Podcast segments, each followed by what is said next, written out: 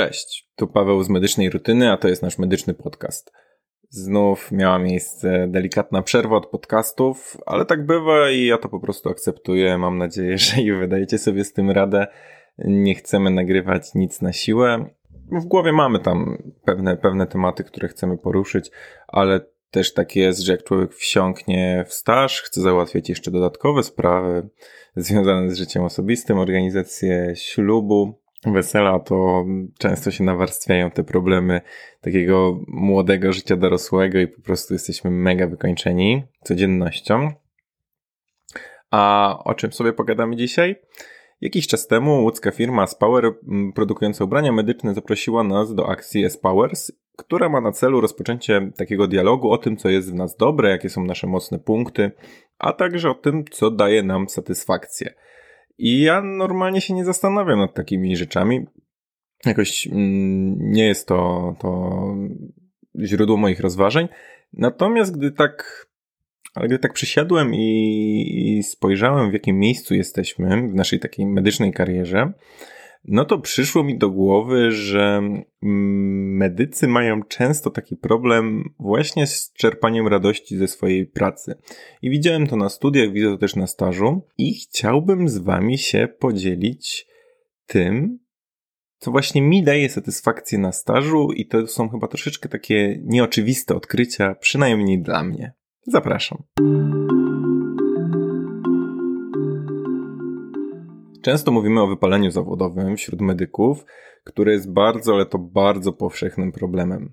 W mojej opinii to tak właściwe środowisko pracy, dostosowanie czasu pracy do swoich możliwości i właśnie taka obecność źródeł satysfakcji w swojej pracy mogą cię zabezpieczyć przed tym zbyt szybkim wypaleniem, ale też widzę to tak jakby z mojej obserwacji, ale muszę przyznać, że też ciężko mi tego doświadczyć, takiego typowego wypalenia, bo jeszcze gdzieś jesteśmy pod taką fazą ekscytacji, wszystko jest dla nas nowe, wszystkiego chcemy spróbować. Natomiast mm, mam kilku znajomych, przyjaciół, kolegów, którzy no, przejawiali objawy wypalenia już na studiach lub krótko po studiach. Także jest to problem dosyć rozpowszechniony i warto przez moment chociażby się zastanowić, co dla Was jest takim źródłem satysfakcji. No bo dla mnie, jeszcze przed stażem, jakby mnie ktoś spytał, co mi da najwięcej takiej właśnie radości, samospełnienia, a co będę robił na stażu, to nie wiem. Może pomyślałbym o takich procedurach wykonywanych, jak kardiowersja na kłucie opłucnej i też może jakaś taka gratyfikacja w słowach, że ktoś powie, że się nadaje na tego lekarza, że mi dobrze idzie.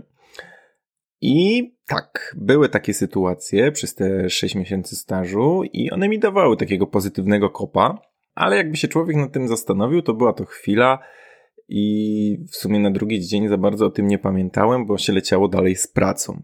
Ale dla mnie największym odkryciem też tego stażu jest to, że źródłami satysfakcji stało się coś zupełnie nieoczywistego. Czegoś, czego zupełnie bym się nie spodziewał. Bo mam dla Was teraz trzy takie sytuacje, które faktycznie sprawiły, że poczułem się spełniony jako lekarz stażysta, także posłuchajcie. Każda z nich jest związana z pacjentem, którego dane tam troszeczkę pozmieniałem oczywiście na potrzeby tego odcinka. 80-letni mężczyzna, który pojawił się na oddziale w związku z zatorowością płucną, a jakbym miał tak naprawdę uściślić, to była to zatorowość płucna potwierdzona radiologicznie. W Anglii CT ten, zator tętnic płucnych typu jeździec. No i była to zatorowość płucna wysokiego ryzyka zgonu. Leczenie trwało długo, pacjent bardzo szybko się męczył przy jakichkolwiek ruchach. Widać było, że jego układ krążenia był przeciążony. Mm, I to na wizus, jak się spojrzało na tego pacjenta, to wszystko było ok, ale wystarczyło, że się trochę podniósł, to od razu dla niego był to masakrycznie mocny wysiłek. I nazwijmy go dla przykładu Henrykiem. Pan Henryk był niesamowicie miłą osobą. Nie narzekał na swój stan, bardzo się starał z nami współpracować. A ten jego stan był dosyć poważny, no nie ukrywajmy. Pamiętam, że dopiero jak tam minęło kilka dni, on się troszeczkę poprawił, to spytał się nas, czy da radę jeszcze poprowadzić swój samochód, bo była to jego największa miłość. Gdy nastąpił dzień jego wypisu, od rana widać było, że jestem, szczerze mówiąc, przerażony. No i myślicie sobie pewnie, kurczę, jesteście w szpitalu, spędzacie tam tydzień, dwa tygodnie, trzy tygodnie, nie widzicie swojej rodziny, zupełnie inne środowisko, no to chyba człowiek powinien się cieszyć, że, że wraca do domu. No nie do końca tak jest, bo um, starsze osoby, które spędzą trochę czasu w łóżku szpitalnym, mają później problem z mobilizacją. Niestety przez warunki covidowe nie mogliśmy mu zapewnić odpowiedniej rehabilitacji. Mm, no i spytał się mnie on, jak on wstanie, jak przejdzie do samochodu, którym przyjedzie jego córka. No i w sumie jego obawy były słuszne. Ja odparłem, że możemy spróbować się przejść, a jeżeli sobie z tym nie poradzi, to oczywiście ktoś pójdzie z, pojedzie z nim na wózku i jakoś dadzą tam radę go włożyć do tego samochodu i wrócą do domu. No ale też widzicie, to są takie problemy, których niestety nie możemy zadbać. Jakby tak w dalszej perspektywie, na przykład kto pomoże tej córce go jakoś tam przetransportować dalej. No ale niestety nie możemy myśleć o wszystkim. Taka jest rzeczywistość. Więc um, próbowaliśmy razem wstać. No i nie, nie, nie szło mu tutaj najlepiej. Ja go podparłem. Zrobiliśmy kilka niepewnych kroków, ale to był dla nas taki sygnał, że raczej szanse na dotarcie na własnych nogach do samochodu są bardzo bardzo słabe, ale jednocześnie też wiedzieliśmy, że pan Henryk wraca do formy, to znaczy, że w perspektywie kilku tygodni gdzieś tam to te problemy z chodzeniem, te, te problemy z no też troszeczkę atrofią tych mięśni, tak, bo mięsień nieużywany zanika, możliwe, że się cofną i że będzie dobrze. No i gdy tak właśnie zrobiliśmy te parę kroków, on był cały zlany potem. Dla niego to był naprawdę potężny, potężny wysiłek. Usiadł na łóżku i zgodził się na to, że pojedziemy na wózku. Później już nawet nie będziemy próbować przejść tam na, na, na własnych jego nogach, tylko pojedziemy na wózku. No i później przyszła jego córka, którą ja i jego tak jakby lekarz prowadzący, bo ja jako lekarz stażysta i dodatkowo lekarz, który tak jakby sprawował opiekę nad tym, co ja robię, mm, porozmawialiśmy z nią i ona bardzo nam dziękowała i muszę przyznać, że i on, i ona to, to ona była wdzięcznym przykładem na to, jak się rodzina może zachowywać w szpitalu, a on był wdzięcznym pacjentem. I przyszedł moment, żeby nasz zestresowany Henryk opuścił oddział. Lekarz, o którym przed chwilą wspominałem, jest dość młody i mogę powiedzieć, że nauczył mnie, jak być fair wobec pacjentów. Bo wiecie, tak jak wspomniałem, pacjenci bywają mega niewdzięczni do prowadzenia. Bywają agresywni, wulgarni, nie słuchają zaleceń, wracają co chwila mm, na następną hospitalizację, bo po prostu nie słuchają się, nie biorą leków. E, I wynika to z różnych, z różnych powodów. A bywają też pacjenci, którzy są naprawdę w porządku. I właśnie ten lekarz pokazał mi, że gdy są to właśnie tacy pacjenci, którzy są dla nas naprawdę ok, to możemy dać coś od siebie ekstra. I to jest super, naprawdę. Bo ten, jakby są pewne czynności, których nie musimy, jakby tak, nawet nie wykonujemy, bo nie ma na to czasu. No ale w tym przypadku długo się nie zastanawialiśmy, tylko my osobiście wzięliśmy pana na wózek i pojechaliśmy z nim przez cały szpital. Tak jakby trochę go odprowadzając, on też się czuł z tym dużo lepiej, że to znajome twarze go odprowadzają. I zupełnie nie musieliśmy tego robić ale to był taki nasz wewnętrzny sposób, żeby go odprowadzić, może pomóc też tej córce. I w zupełności też nie musieliśmy robić czego? Nie musieliśmy wychodzić w samych skrapsach na zewnątrz, gdzie było około 5 stopni Celsjusza i pomóc mu wejść do samochodu. No, ale to zrobiliśmy. I Henryk odjechał, my wróciliśmy na oddział i, i nie wiem jak ten lekarz, ale ja się czułem z tym nieprawdopodobnie dobrze. Drugą sytuacją, drugim pacjentem, a właściwie pacjentką, o której chcę Wam teraz opowiedzieć, była, nazwijmy ją, Hela. Z tego co się orientuję, to miała około 80 lat, przyjechała do nas w takim przerażającym zaostrzeniu POHP. Mówię przerażającym, bo była bardzo długo na takiej granicy intubacji, a i intubacja byłaby ciężką decyzją, bo prawdopodobnie nie udałoby się już jej rozintubować. Doglądaliśmy jej bardzo często, bo jej stan był krytyczny. Hela miała taką szczątkową świadomość, odpowiadała jakimiś chrząknięciami, czy może jakimiś takimi mruknięciami, ciężko to określić. I gdy wychodziłem tego dnia, gdy ona się pojawiła, gdy wychodziłem ze szpitala, to już miałem takie mocne przeczucie, że następnego dnia ja jej chyba tam nie zastanę. Ale myliłem się. Nadal była w bardzo ciężkim stanie, ale żyła. Często zmienialiśmy jej tam parametry w wentylacji, bo jej oddech był wspomagany, no powiedzmy różnymi maszynami. Chęcią, z chęcią zrobi kiedyś odcinek o takiej różnorakiej tlenoterapii, mm, to wtedy poruszę takie szczegóły. I tak codziennie rano okazywało się, że Hera jest w krytycznym stanie, ale żyje. I im dłużej jej się tak udawało, to mam wrażenie, że też związaliśmy się z nią w pewien sposób i częściej doglądaliśmy jej parametrów. Po ponad tygodniu udało nam się uzyskać na tyle obniżenie retencji dwutlenku węgla, że Hela pierwszy raz stała się choć trochę logiczna. Można było od niej coś tam wyciągnąć, pojedyncze informacje. I też mieliśmy też z tyłu głowy, że tak zaawansowane POHP nie rokowało. To jest choroba postępująca, ale ku naszemu zdziwieniu udało się doprowadzić Helę do takiego stanu, że na wózku z tlenem z butli opuściła nasz oddział. Było to dla mnie takie pierwszy raz taka sytuacja i taki szok, że mi się wydaje pierwszego dnia, że no daleko nie zajedziemy, a tu naprawdę niesamowita poprawa. No i po około dwóch tygodniach dostaliśmy informację, że Hela zmarła. Ale w sumie to odnieśliśmy sukces. Jakim, możecie zapytać? No, Hela spędziła święta Wielkanocy w domu z rodziną w całkiem dobrym, jak na to, z czym się mierzyła, stanie zdrowia.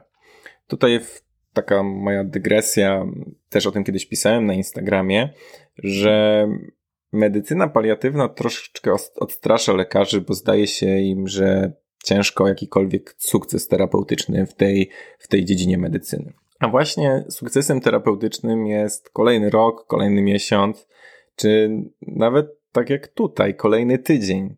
I sukcesem jest także zmniejszenie dolegliwości, polepszenie samopoczucia i w przypadku Heli podreperowaliśmy jej stan zdrowia na bardzo, bardzo krótko, ale też myślę, że dla jej rodziny był to niesamowity sukces, że mogła z nimi spędzić te święta. I ostatnim pacjentem, ostatnią historią, załóżmy, że to był Hubert, 60-letni mężczyzna, który z powodów bliżej nieokreślonych stracił władzę w nogach i poruszał się na wózku inwalidzkim. E, świetnie sobie z tym radził. Jak już później do późniejszej części historii dojdę, to on jakby nawet nie po... czuł się chyba troszeczkę tym obrażony, jak ktoś mu proponował, że poprowadzi ten wózek za niego. On sam sobie świetnie dawał radę. Był przewlekle cewnikowany, sam wymieniał sobie cewnik ale tym razem coś tam się nie udało i pojawił się w szpitalu z dużą ilością krwistego moczu w worku i powiedział, że tego moczu już tam do tego worka mocz przestał spływać. No i możemy się zastanowić, gdy taki pacjent się pojawia, czy to jest zagrożenie życia. No, wydaje się, że chyba nie. Czy to jest dyskomfort? Oj, zdecydowanie. Dla niego zdecydowanie. I tego dnia bardzo dużo rzeczy działo się no, na izbie przyjęć i niestety pan Hubert nie był w tym momencie priorytetowym pacjentem.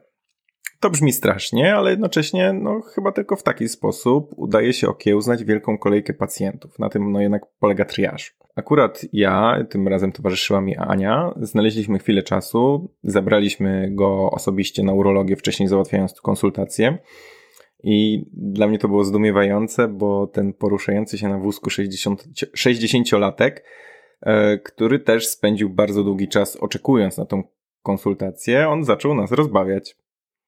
I w tym kraju nie tego bym się spodziewał. Spodziewałbym się prędzej przekleństw, marudzenia, jakiegoś zawodu, że czemu muszę tyle czekać. A Hubert był po prostu wdzięczny. Wdzięczny, że za chwilę możliwe, że rozwiąże się jego problem.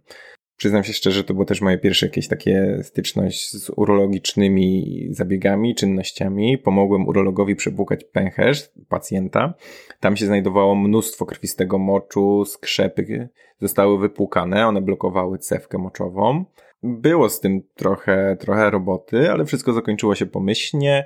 Mm, mąż zaczął normalnie wypływać i odstawiliśmy Huberta, który miał czekać na swoje dokumenty. To już była taka godzina, że my się udaliśmy po nasze plecaki, w zamyśle kierując się do domu. I, I był taki moment, że ja już właściwie wychodziłem, Ania poszła przodem i pan Hubert mnie zaczepił i powiedział takie szczere, dziękuję panie doktorze. I nie uratowałem mu życia, w sumie nie zrobiłem nic odkrywczego. Urolog wykonał 99% roboty, ale i tak czułem się najlepiej na świecie. I jak już mówimy o takiej satysfakcji płynącej z pracy, ze stażu, no to oczywiście bardzo ważny jest oddział, na którym się znajdujemy. Mówię tu z mojego doświadczenia, ale na pewno też inni stażyści, studenci są w stanie to potwierdzić, że na części oddziałów mamy niewidoczni, a są takie, gdzie czujemy się no, praktycznie pełnoprawnymi lekarzami, bo jest tyle roboty i sobie w miarę z wszystkim radzimy, a jak z czymś sobie nie radzimy, to zawsze znajdzie się pomocna dłoń. I wydaje mi się, że właśnie zadowolenie z takiej całości stażu w dużej, będzie, w dużej mierze będzie zależało od tego, które oddziały będą przeważać. A więc podsumowując, to dzisiaj podzieliłem się z Wami takim moim odkryciem, że to czynnik ludzki wywarł na mnie najbardziej pozytywny wpływ podczas tej mojej części stażu sześciomiesięcznej i że jak myślę o satysfakcji, to myślę o tym czynniku ludzkim. To, co mogłem zrobić e, dla tych innych ludzi, mimo że cały czas robię coś dla innych ludzi, ale te właśnie momenty były dla mnie jakieś takie specjalne. Mm, I myślę, że też e, jak czas pozwoli, to zrobimy taki odcinek, w którym porozmawiamy na temat zasadności stażu, bo dużo się o tym mówi, dużo jest głosów przeciwko, głosów za tym, żeby utrzymać ten staż i pewnie się podzielimy naszymi tutaj jeszcze takimi po całości, tak? Jak już skończymy ten staż, czy może mm, jak już będziemy za tą połową, Mm, przemyśleniami o tym, jak to naszymi oczami wygląda. E, I na koniec e, życzę Wam, by ten Wasz okres stażu upłynął jak najlepiej oraz byście podczas niego potwierdzili, że to jest droga, którą chcecie podążać. To nie, nie tyczy się tylko takiej wybranej specjalizacji, żebyście potwierdzili, o, na pewno pulmonologia, ale też tak ogólnie, takiej drogi medycznej, bo są też takie osoby, które zauważa, widziałem na studiach, widziałem na stażu, którzy po prostu męczą się w swojej pracy i ja to jak najbardziej rozumiem, ale wiecie, czasami taka decyzja, że o, nie chcę jednak w to brnąć, myślę, że mogłaby dużo bardziej wpłynąć na ich samozadowolenie e, z tego, co robią. Trzymajcie się, do usłyszenia, pa!